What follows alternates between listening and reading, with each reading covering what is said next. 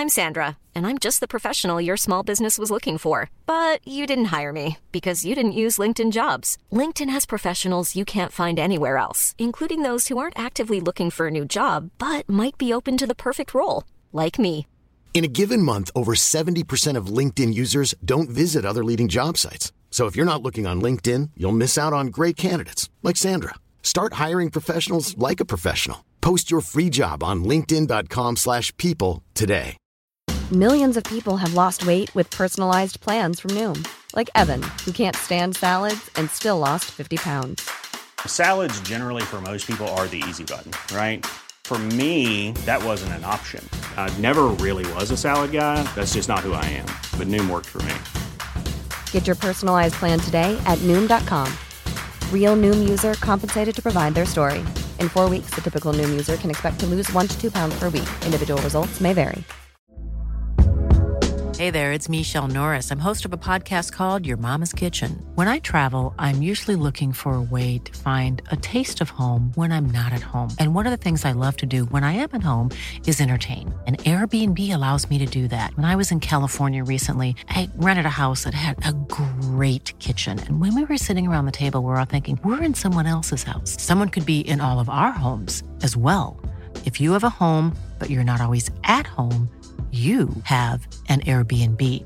Your home might be worth more than you think. Find out how much at airbnb.com/slash host.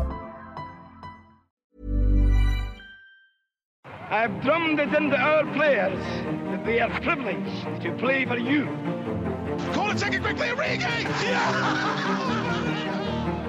And Mission Impossible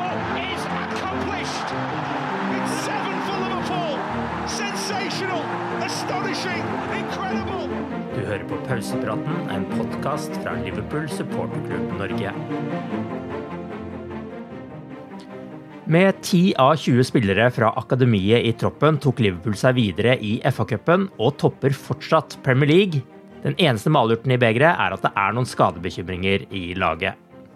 Arve Vassbotn heter jeg, og med meg i Liverpool.no pausepraten i dag har jeg Mari Lunde og Stefan Fosse. Nå skal det sies at dette her er spilt inn før semifinalen mot eh, Fulham, men kampen mot Arsenal i FA-cupen, den har vi sett, og den har vi nytt. Og for et fyrverkeri av en kamp det ble. Mari, hvordan vil du oppsummere innsatsen der?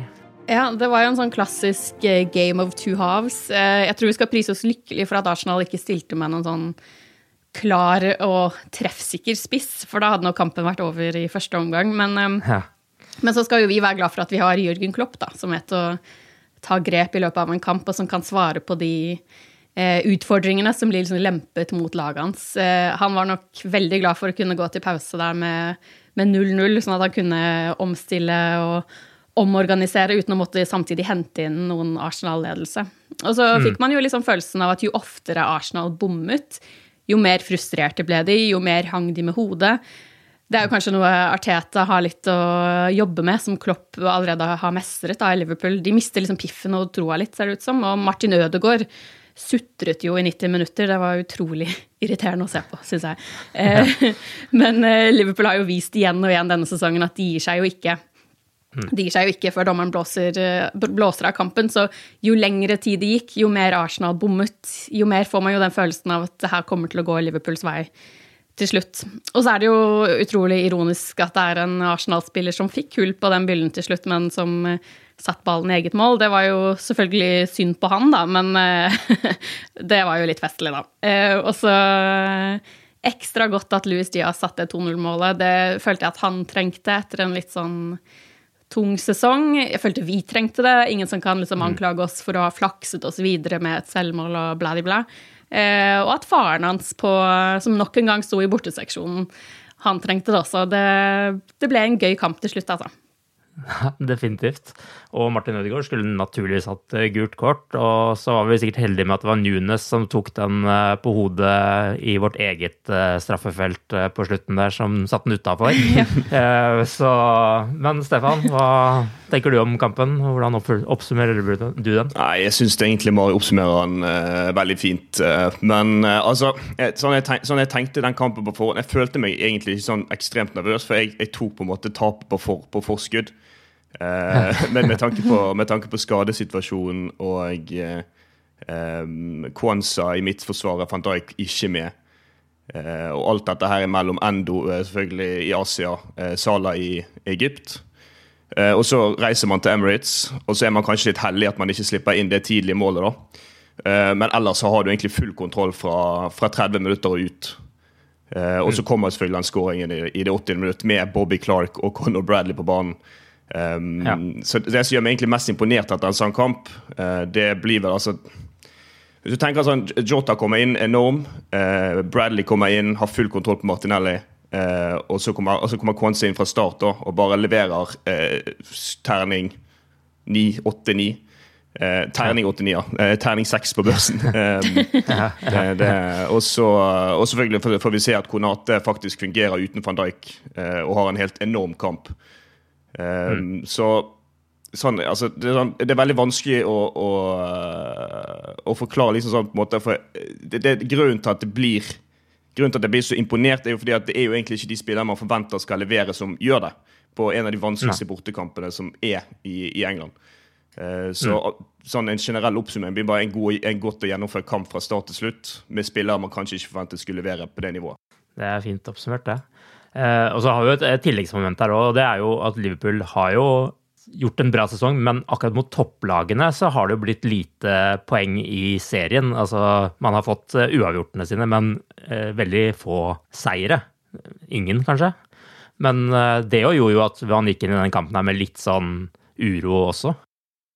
Ja, altså man, man, husker jo, man, husker jo, kampen mot Arsenal på Anfield, og jeg følte at òg da kom Arsenal best ut av den kampen eh, sånn totalt sett. fordi at eh, eh vi føler kanskje vi, vi kunne vunnet den kampen. Jeg tror Arsenal føler akkurat det samme. Eh, mm. Og så kommer du til Emirates, og så tenker jeg da at selv om Arsenal har vært i dårlig form, selv om Arsenal eh, eh har, har sine, sine, ting som, som de har å stri med òg, selvfølgelig, så er det sånn det, det er en sånn statement seier.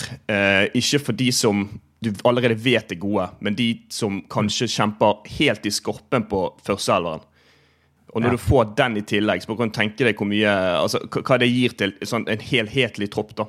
Eh, nå når mm. vi har mange, jeg tror det er ti spillere som, som mangler nå til Fulham-kampen i kveld. Eh, så kan du ja. tenke den motivasjonen og den eh, altså, Hvordan det er å gå inn til en sånn kamp igjen da på Anfield i kveld og så vite at du har hatt den prestasjonen på en søndag. Definitivt. Det har mye å si. Du er jo innom skader her, så vi kan jo hoppe rett dit, egentlig.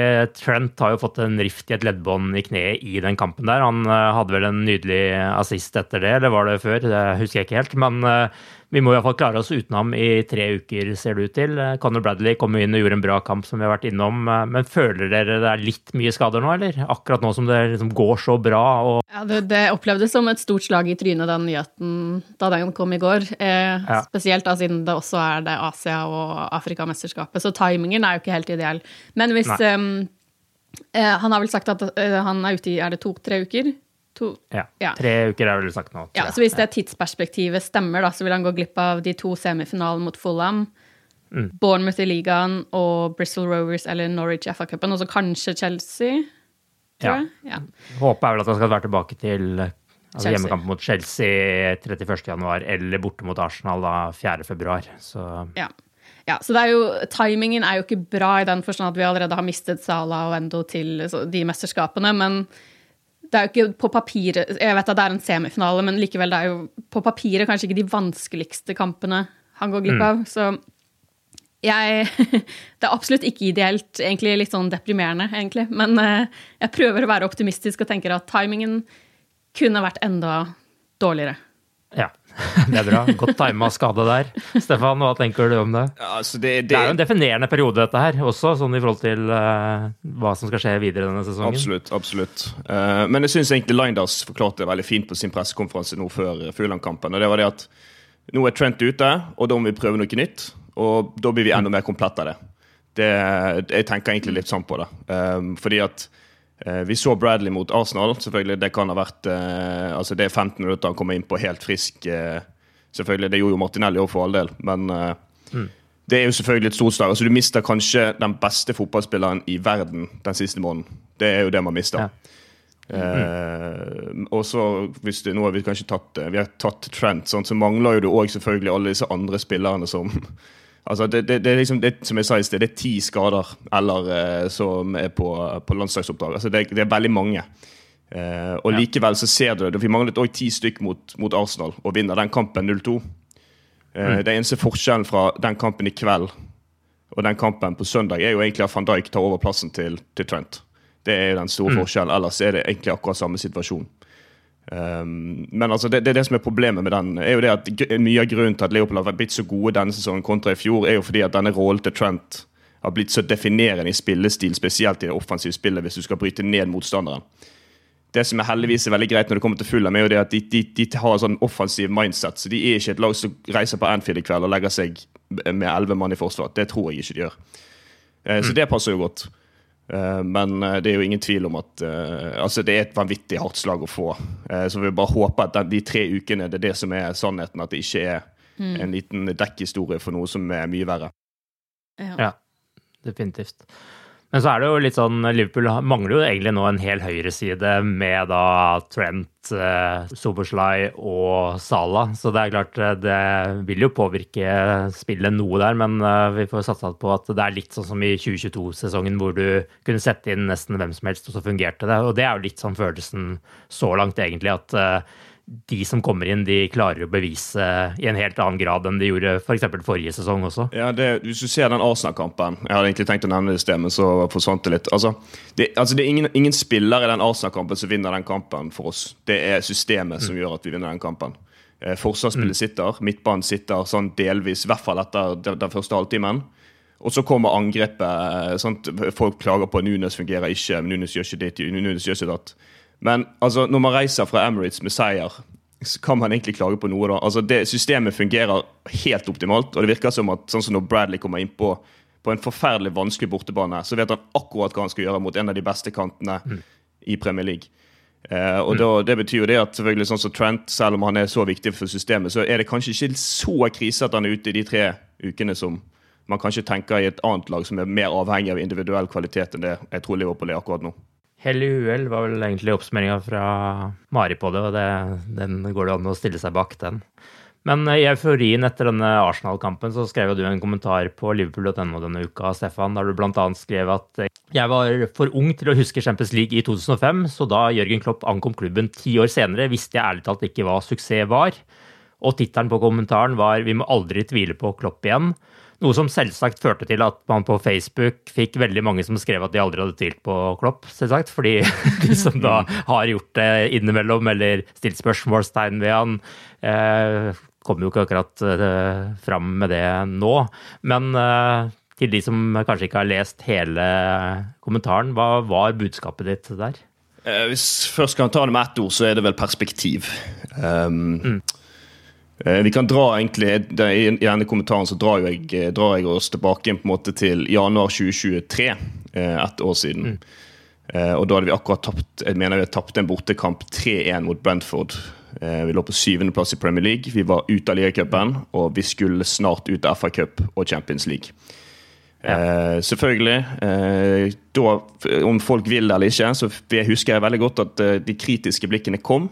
Det er ingen som sa at mm. Klopp skulle få fyken, men det var noen som begynte å lure på er hans tid over. Er Liverpools suksessrike periode over? Eh, alt dette her. Og selvfølgelig ikke, Klarer han å snu det, ikke minst? Ja, klarer han å snu det, ja. Uh, og jeg skal ikke si det at jeg var en Jeg, jeg, jeg hadde den tanken i hodet et par ganger sjøl. Tenkte sånn uh, altså hvordan Jeg ser ikke en fremtid, uh, fremtid med det laget som spilte i fjor. Og så ble jo sommeren sånn som han ble, da. Eh, og så starta på en måte hele altså så starta på en måte bølgen med kritikk igjen. da, um, Eller hva du kaller kritikk. Litt sånn skepsis, egentlig. Med en gang han Jørg Schmatke kommer inn i mai. Hva er planen mm. her? Ward gir seg, hvorfor gjør han det? Er det kaos i klubben? Altså, Ingen vet. og så selvfølgelig roer det seg litt. da. McAllister kommer inn. en klassespiller fra Brighton, akkurat vunnet VM. Sjoboslaj kommer inn, kanskje litt mer ukjent kort, men allikevel, som vi ser nå, en helt fantastisk signering. Og så kommer igjen dette her med Fabinho, Henderson ut. Prøver å se på Caicedo og Lavia, begge ryker.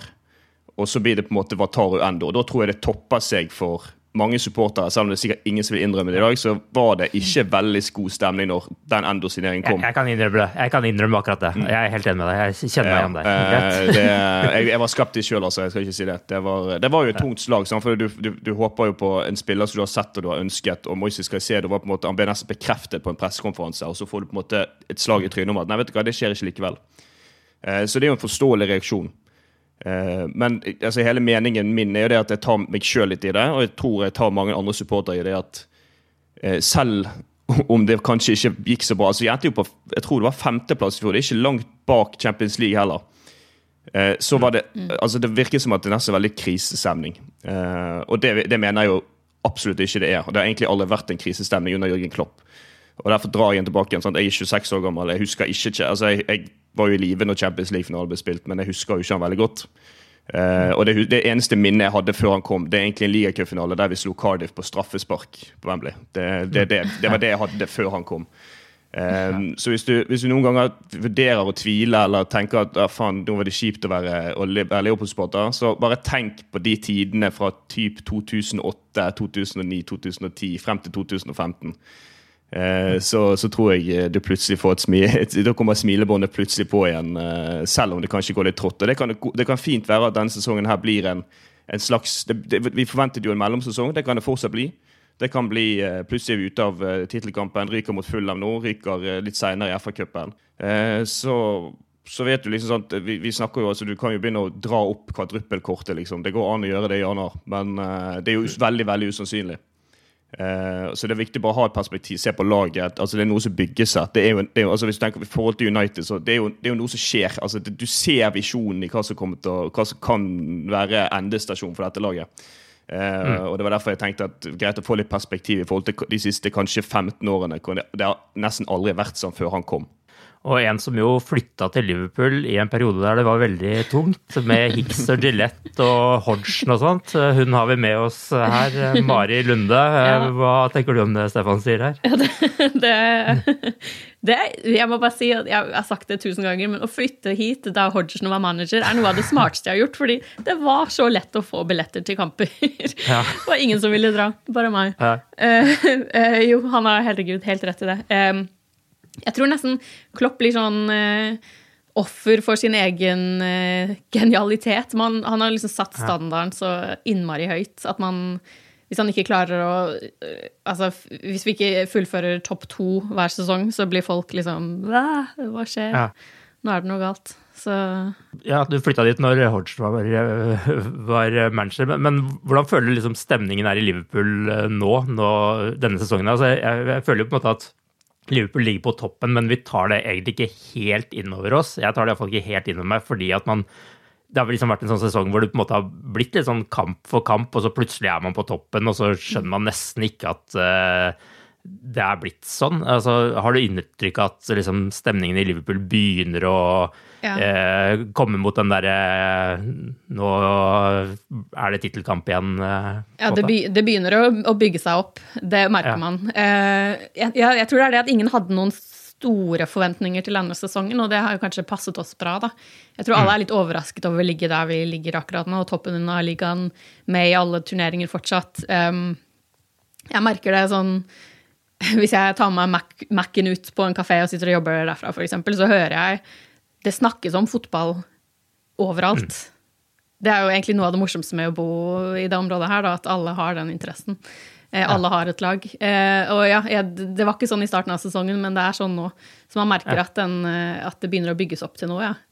Det er veldig gøy. Ikke sant? Det er ikke lenger den der mellomsesongen vi alle tenkte egentlig at det skulle bli når uh, sesongen starta. Nei, det er egentlig liksom vinn-vinn-situasjon. For jeg tror at hvis, hvis, det skulle liksom ryke Jeg tror alle på en måte kan tilgi det hvis, hvis, det, hvis det, ender opp med ingenting, da.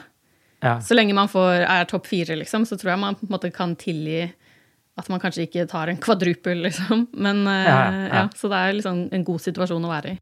Men eh, hva tenker dere er de tre viktigste årsakene til at ting går så mye bedre for Liverpool denne sesongen enn den siste? da? Eh, Mari, vi kan jo begynne med deg. Altså, hvis dere ikke klarer å holde dere til tre, så vær så god, ta flere. Så det var litt sånn tatt ut av lufta her, men uh, kjør på. ja, det var jo selvfølgelig smarte signeringer i sommer, da, både inn og ut. Uh, mm.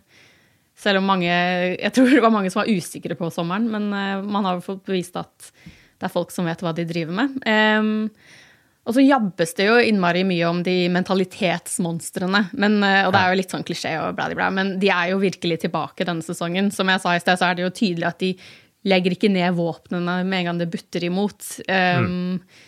De liksom kjemper, de jakter mål, de jakter seier helt til siste slutt. Det har vi sett flere eksempler på denne sesongen mot Fulham og Newcastle og nå Arsenal, da. Og så ja. It's that time of the year. Your vacation is coming up.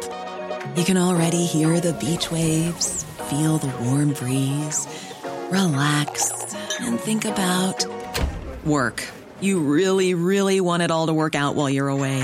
Monday.com gives you and the team that peace of mind. When all work is on one platform and everyone's in sync, things just flow wherever you are. Tap the banner to go to Monday.com. Many of us have those stubborn pounds that seem impossible to lose, no matter how good we eat or how hard we work out. My solution is PlushCare. PlushCare is a leading telehealth provider with doctors who are there for you day and night to partner with you in your weight loss journey. They can prescribe FDA-approved weight loss medications like Wagovi and Zepbound for those who qualify. Plus, they accept most insurance plans. To get started, visit plushcare.com slash weight loss. That's plushcare.com slash weight loss. Hey, Dave. Yeah, Randy. Since we founded Bombus, we've always said our socks, underwear, and T-shirts are super soft. Any new ideas? Maybe sublimely soft. Or disgustingly cozy. Wait, what? I got it. Bombus. Absurdly comfortable essentials for yourself and for those facing homelessness. Because one purchased equals one donated. Wow, did we just write an ad? Yes. Bombas. Big comfort for everyone. Go to bombas.com slash ACAST and use code ACAST for 20% off your first purchase. Hey there, it's Michelle Norris. I'm host of a podcast called Your Mama's Kitchen. When I travel, I'm usually looking for a way to find a taste of home when I'm not at home. And one of the things I love to do when I am at home is entertain. And Airbnb allows me to do that. When I was in California recently, I rented a house that had a great kitchen. And when we were sitting around the table, we we're all thinking, we're in someone else's house. Someone could be in all of our homes as well. If you have a home, but you're not always at home, you have an Airbnb. Your home might be worth more than you think. Find out how much at airbnb.com/slash host. Millions of people have lost weight with personalized plans from Noom, like Evan, who can't stand salads and still lost 50 pounds.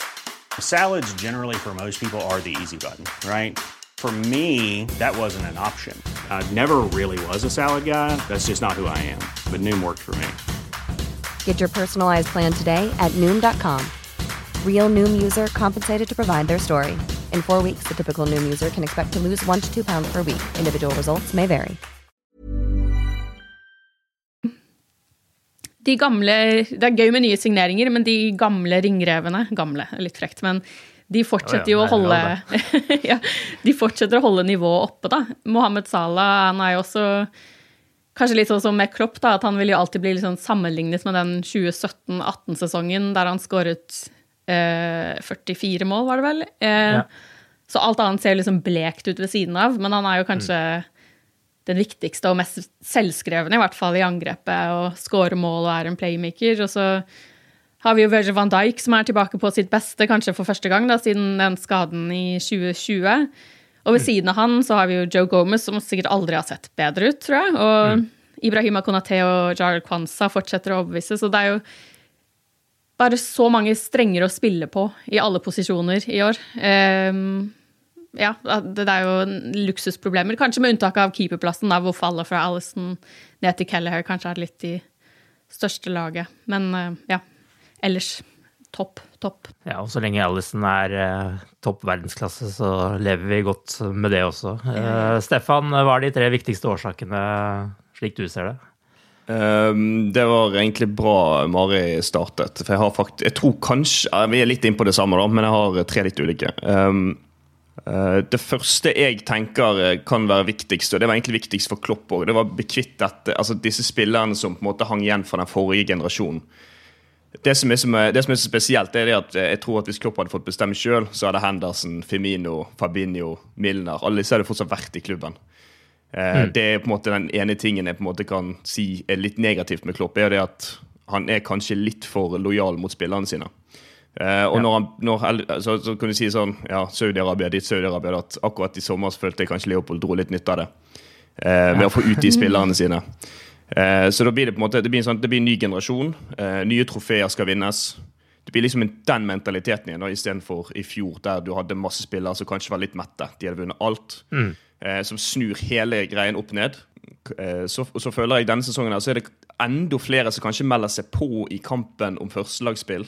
Uh, og For meg kan det kanskje tyde på at det kanskje er en enda bedre garderobekultur enn det har vært med Klopp tidligere. Noe ja. som er helt sykt å egentlig si, for det hadde alltid vært veldig god stemning i troppen. Men det er et eller annet som bare, det, det virker som at det er så sinnssykt god stemning. Eh, mm. det, og, sant, og, så har du sånt Konaté plutselig. Sant, du ser mot Arsenal. Det, liksom, altså, det finnes nesten kanskje et liv uten van Dijk, selv om det høres eh, Forhåpentligvis er jo han i mange år til, eh, og det er han nok men det fins et liv uten han.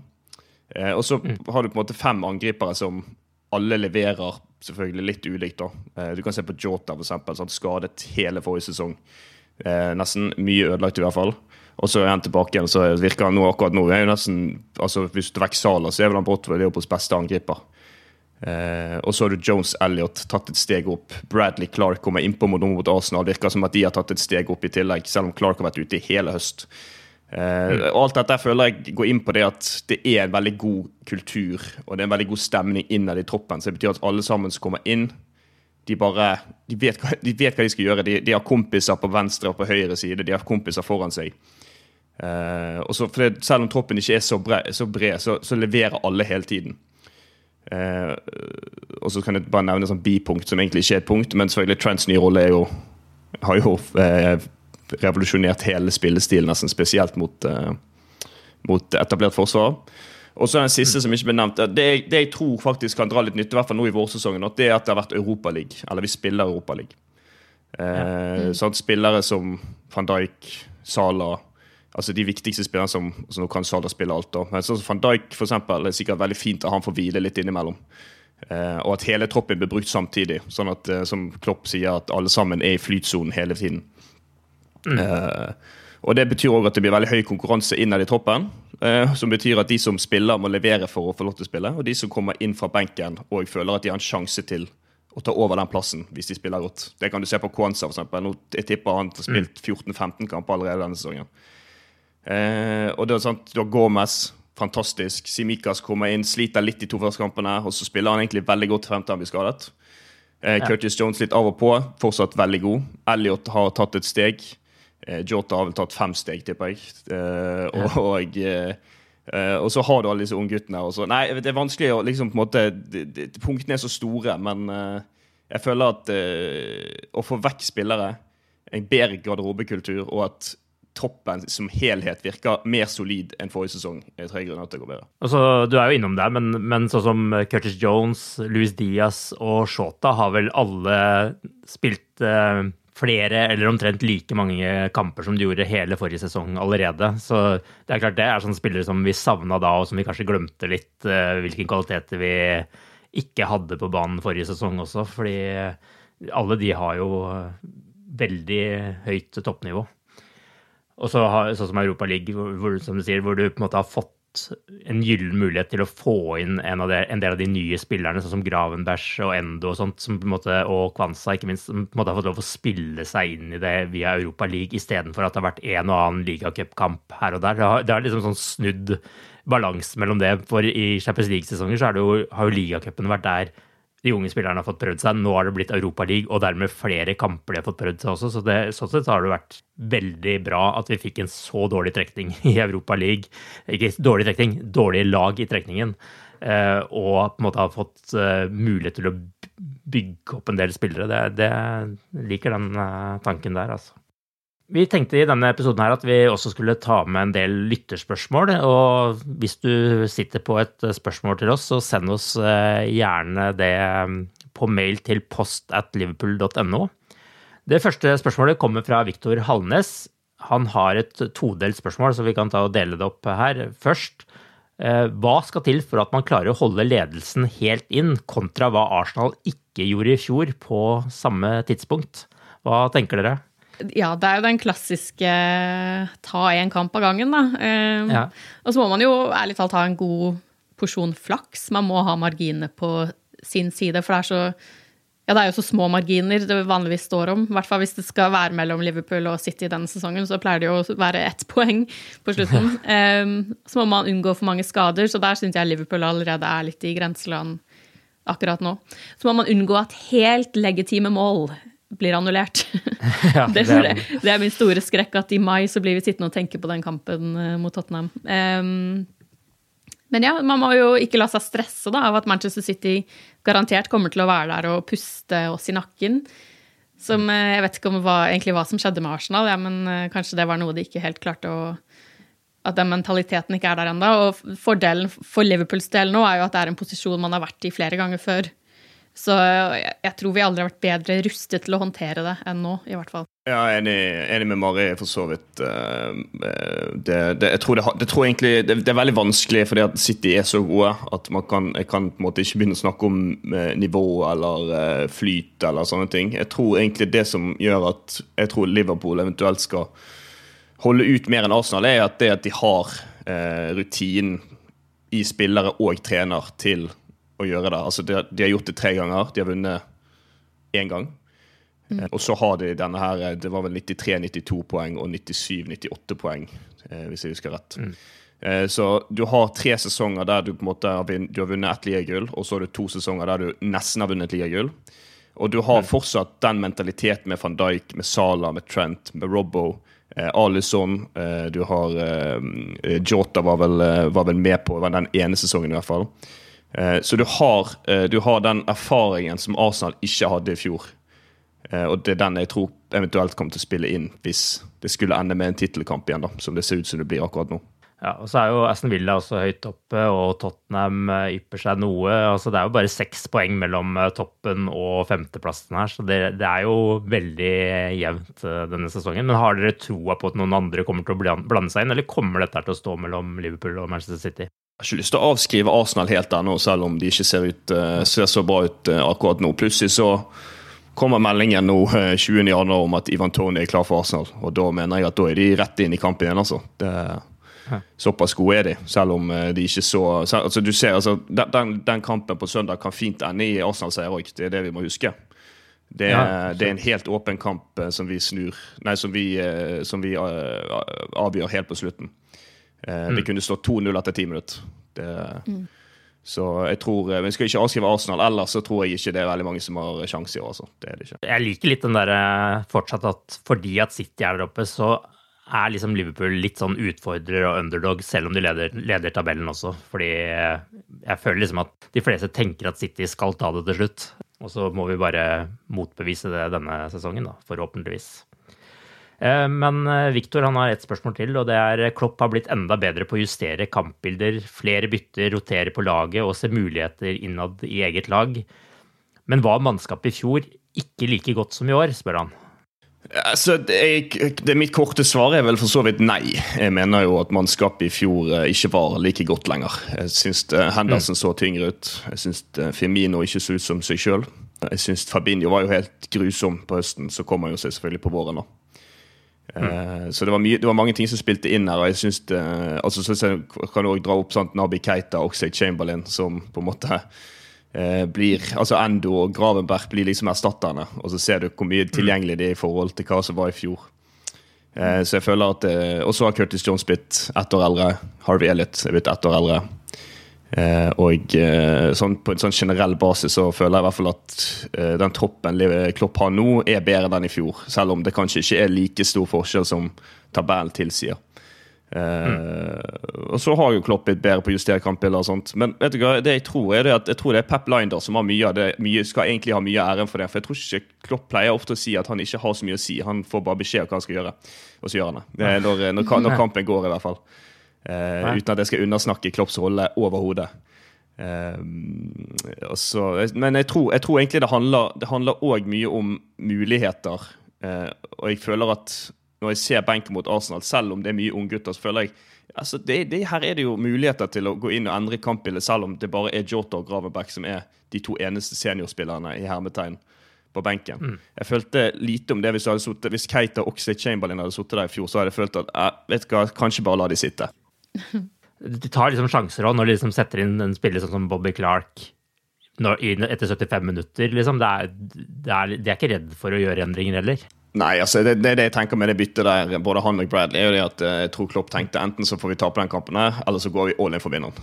Uavgjort var ikke et alternativ, tror jeg. Det, så, så, gikk jo det selvfølgelig med seier. da. Så kommer jo Bobby Clark inn. Jeg syns egentlig at han leverer på akkurat samme nivå som uh, Curtis Jones og Harvey Elliot gjorde tidligere i kampen. Og han er en 2005-modell, mm. så det er bare å huske det navnet, tror jeg. Mari, hva er dine tanker om uh, dette her? Er mannskap uh i år bedre enn det som var i fjor? Ja, ja det er jo det. det.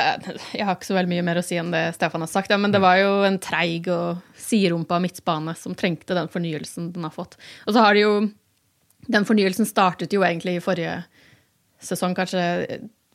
Ja, det ble vel forrige sesong, da, men uh, nå har jo Nunes og Diaz og Sala og Jota og Gakpo fått bedre tid til å bli kjent med hverandre, og den nye mm. hybridrollen til Trent har fått tid til å sette seg, så det er jo det var jo også noe alle måtte bli bedre kjent med. Så, så de, de, har jo Ja, det sitter bedre i år, da.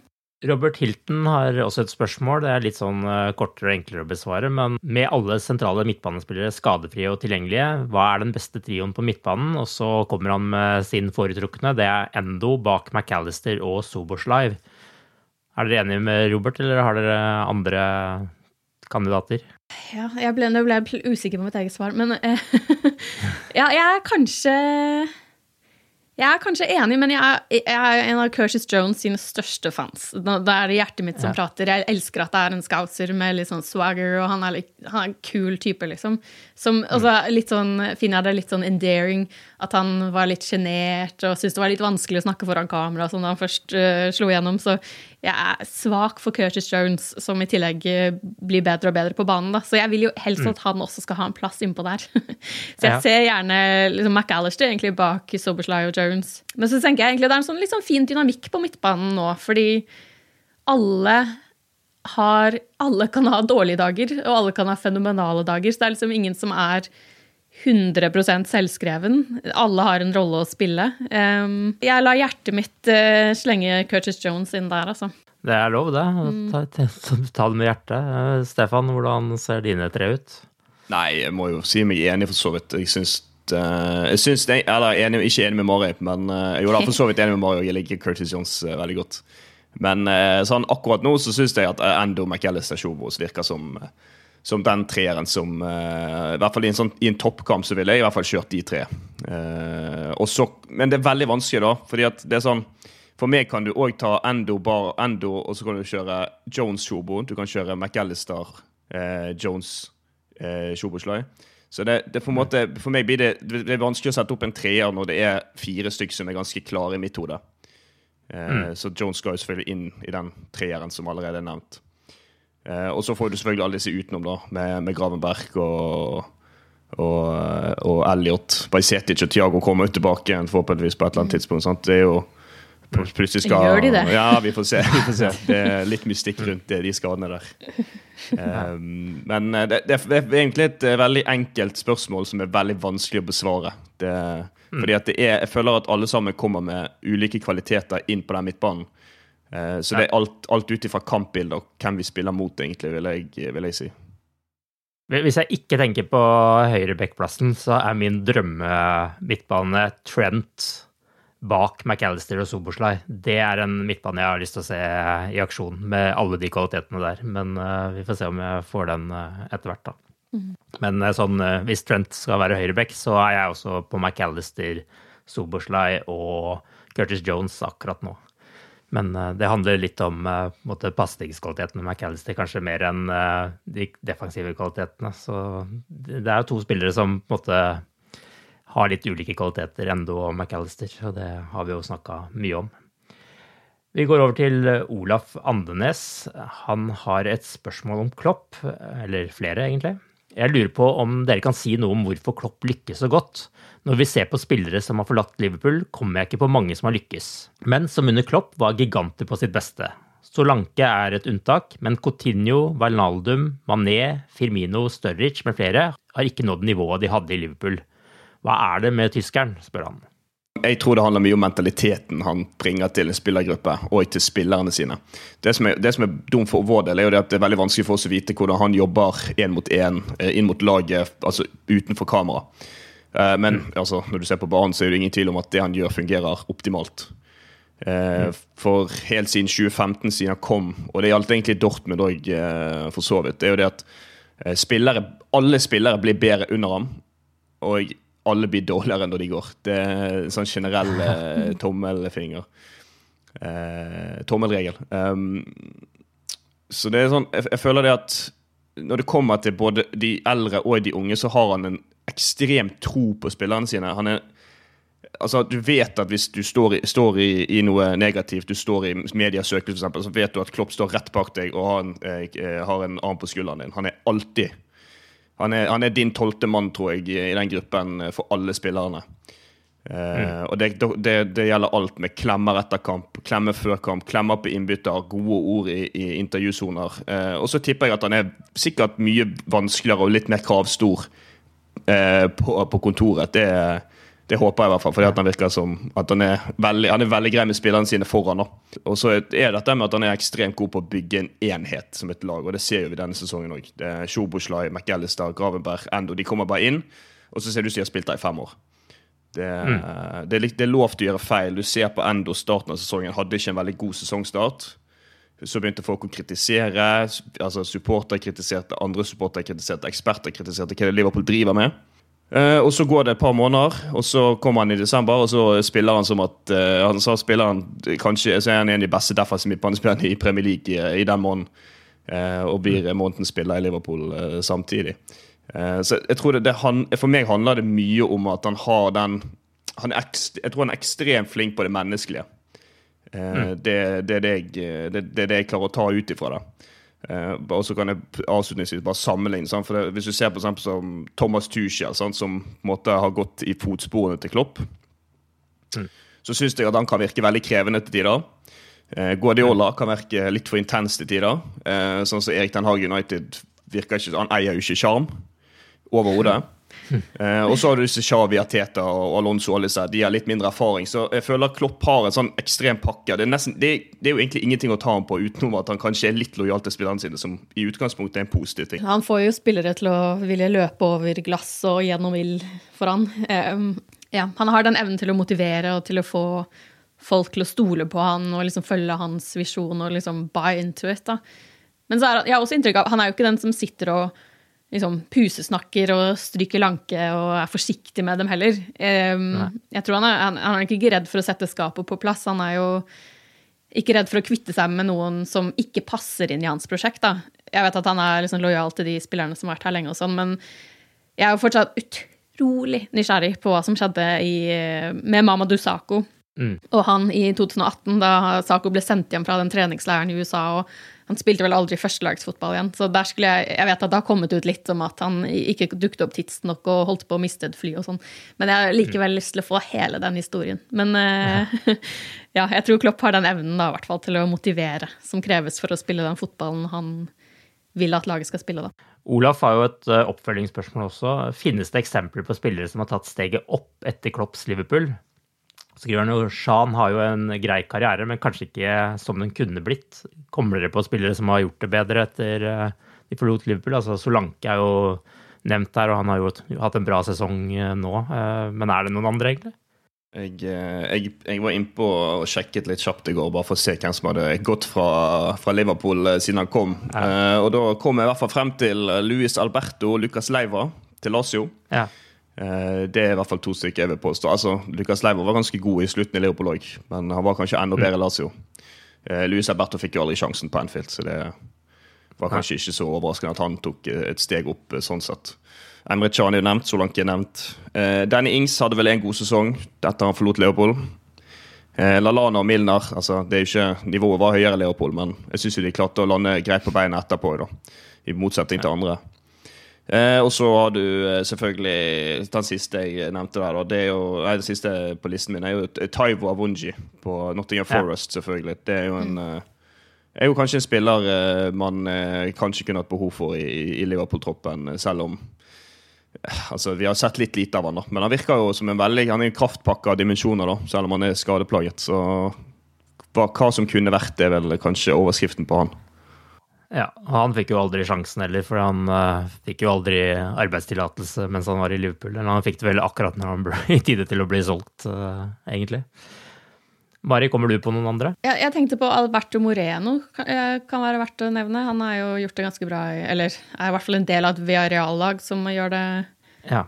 Som vant um, Vant ikke de Europaligaene? Eller noe Det stemmer. Tøys, ja. Mm. Mot United, var ikke det 2021? Tror jeg. Ja, sant det. Ja, ja, han, har, han, ja, han, har den legendariske videoen. Ja. Men ellers så kommer jeg ikke på De, færreste blir vel bedre etter å dra fra Klopp. Ja, det er noe med det. De fleste vi nevner her, har vel liksom holdt et greit nivå etterpå, ja. men uh, sjelden liksom tatt steget sånn voldsomt opp også. Så uh, de må bli Liverpool for å nå potensialet sitt. Martin Gelein skriver i en ideell verden så fortsetter Klopp i Liverpool til det uendelige, men om man ikke forlenger sin nåværende kontrakt, hvilken manager vil dere ha inn, og hvorfor? Mari? Ja, jeg syns det er et uh, kjipt spørsmål. ja, det er ikke noe vi prater og høyt om. Men vi har i hvert fall fått sånn greit bevis, tror jeg, da, at Steven Gerrard uh, Han regner jeg meg ute av dansen. Uh, det er jeg glad for. Jeg elsker Gerrard som spiller.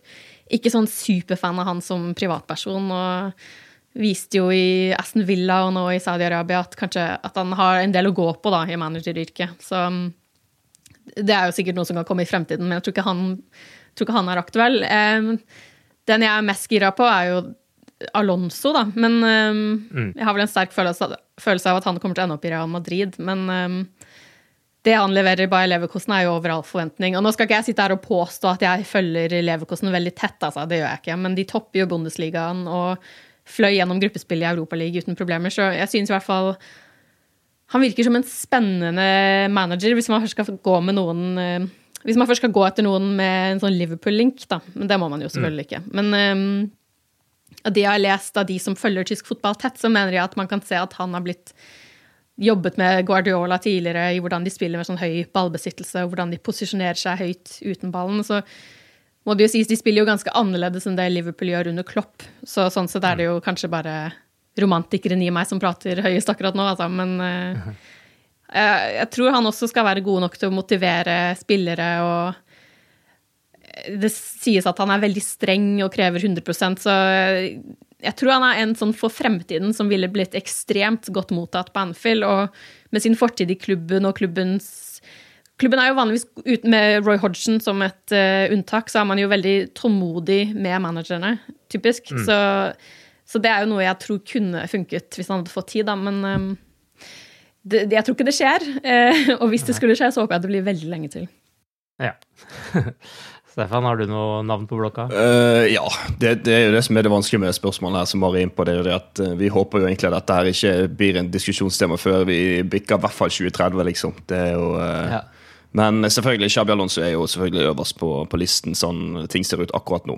Det, det, det, han har fått til i Leverkosen på, på, rekordtid, det er bare helt vilt. Så det er jo tydelig, en, det er en tydelig en, et stort managertalent som bor i han, altså. Det er det. Um, og så kan jeg altså, Greien er det at det, det, som er Jeg er jo veldig glad i Carlo Ancelotti, men han er jo eldre enn Klopp, da, så det kommer jo aldri til å skje. Uh, og så, da, da uten, uh, uten, at jeg klarte å komme på sånn forferdelig spennende navn, så blir det da selvfølgelig Roberto de Serbi og Graham Potter da, fra Brighton. Mm. Jeg tror ikke Liverpool er en like krevende klubb å komme inn i, sånn som Chelsea var i fjor. Så jeg skal jeg vil, ikke, jeg vil ikke kaste Graham Potter under bussen fordi at han ikke klarte å få det prosjektet til. Det kan jo vi se i år at Pochettino heller ikke får til. Eh, så mm. det blir litt feil. Det Serbia liker jeg veldig godt. Det er lidenskap, det er eh, høyt press, det er offensiv fotball. Så jeg tror det hadde passet fint på Anfield. Men det, det, er vel det vi har, da, selvfølgelig. Du kan jo selvfølgelig nevne Pep Linders, da, som har vært assistenten til Klopp nå i nærmere fem år til noe sånt. Um, fortsatt ikke vært hovedtrener utenom den, de seks månedene i, i Nederland. Da. Men uh, selvfølgelig verdt å nevne han òg i, i, den miksen her. Ja, jeg liker det navnet i forhold til å måte tenke kontinuitet og den dynastifølelsen man hadde i Liverpool tidligere med Shankly og Paisley osv. Så også, så hadde jeg jo likt litt at man liksom prøvde ut det, men man vet jo ikke om man vil passe som en managertype heller, men jeg, men jeg, liker typen. Og når han har pressekonferanser, så er det alltid spennende. Så mm. mm. sånn fra et sånn journalistisk synspunkt så tror jeg han kunne vært en spennende kandidat. Men det men det fordrer jo at Liverpool fortsatt eh, er gode når Klopp går av, og at uh, Pepper Liners har vært med å forme Liverpool til å fortsatt eh, være en god klubb. Men vi satser på at det skjer, og at dette er lenge til at vi skal snakke om dette her igjen. Mm. Joar Skogstad han har også et spørsmål. Og det går på stadion. Mari, du kan kanskje svare på dette. Er det muligheter for at Liverpool utvider stadion noe mer? Eh, nei, det er vel egentlig ikke det. Um, mm. Fordi det som er med Anfield, er jo at stadion ligger smakk i midten av et uh, Altså et nabolag, holdt jeg på å si. Det er jo rekkehus, mm. og det er en hovedvei. Og, for det har vært snakk om uh, Kenny Dalglish-stand. Mm. Unnskyld. Um, den nedre delen av den tribunen er jo veldig gammel, og for vi, for vi, som har vært så heldige å få sitte der noen ganger, det er jo ekstremt dårlig benplass.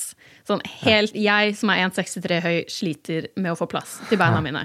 Eh, men, men, ja, som sagt, problemet er jo at det er et rek rade med rekkehus like bak den tribunen, så, så å bygge den ut eh, tror jeg ikke er et alternativ.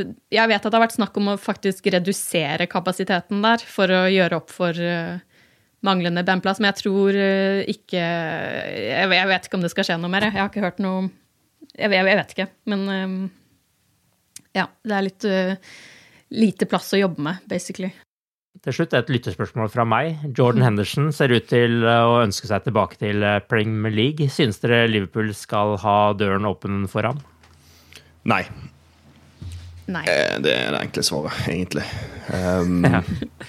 Nei, jeg tenker er, nå er det en ny æra på, på, gang. Han rotet det til i sommer. Eh, gikk litt i angrep på Liverpool for så vidt, og Jørgen Klopp med å si at han ikke følte seg ønsket lenger, osv., eh, osv. Så, eh, så han mm. brant egentlig de broene han kanskje kunne brukt nå, da. Så det, da ble jeg veldig, veldig overrasket.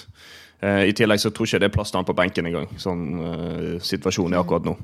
Så for meg er det totalt unødvendig å, å hente han tilbake igjen. Ødelegge den dynamikken som er skapt når han egentlig har på en måte, uten at vi trenger å gå inn på det, heller mistet den statusen han hadde bare for seks måneder siden.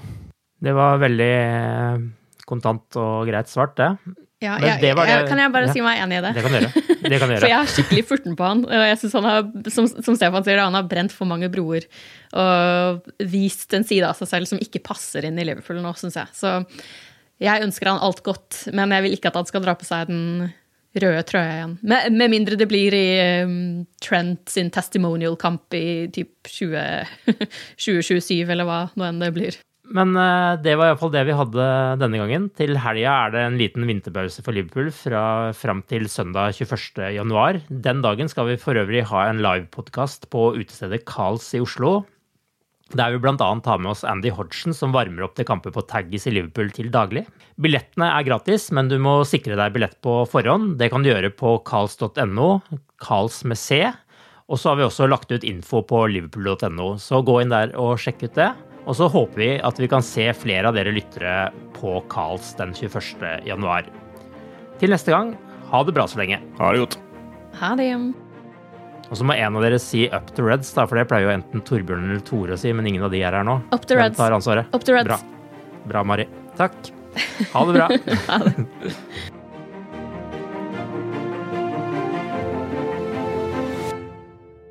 The best word I can say, but uh, will describe this was boom. Ooh, what was this? It was really good. When you make decisions for your company, you look for the no-brainers. And if you have a lot of mailing to do, stamps.com is the ultimate no-brainer. It streamlines your processes to make your business more efficient, which makes you less busy. Mail checks, invoices, legal documents, and everything you need to keep your business running with stamps.com. Seamlessly connect with every major marketplace and shopping cart Schedule package pickups and see your cheapest and fastest shipping options from different carriers. With rates up to 89% off USPS and UPS rates. And with the Stamps.com mobile app, you can take care of mailing and shipping wherever you are. Make the same no-brainer decision as over 1 million other businesses with Stamps.com. Sign up with Code PROGRAM for a four-week trial, plus free postage and a free digital scale. No long-term commitments or contracts. That's Stamps.com. Code PROGRAM.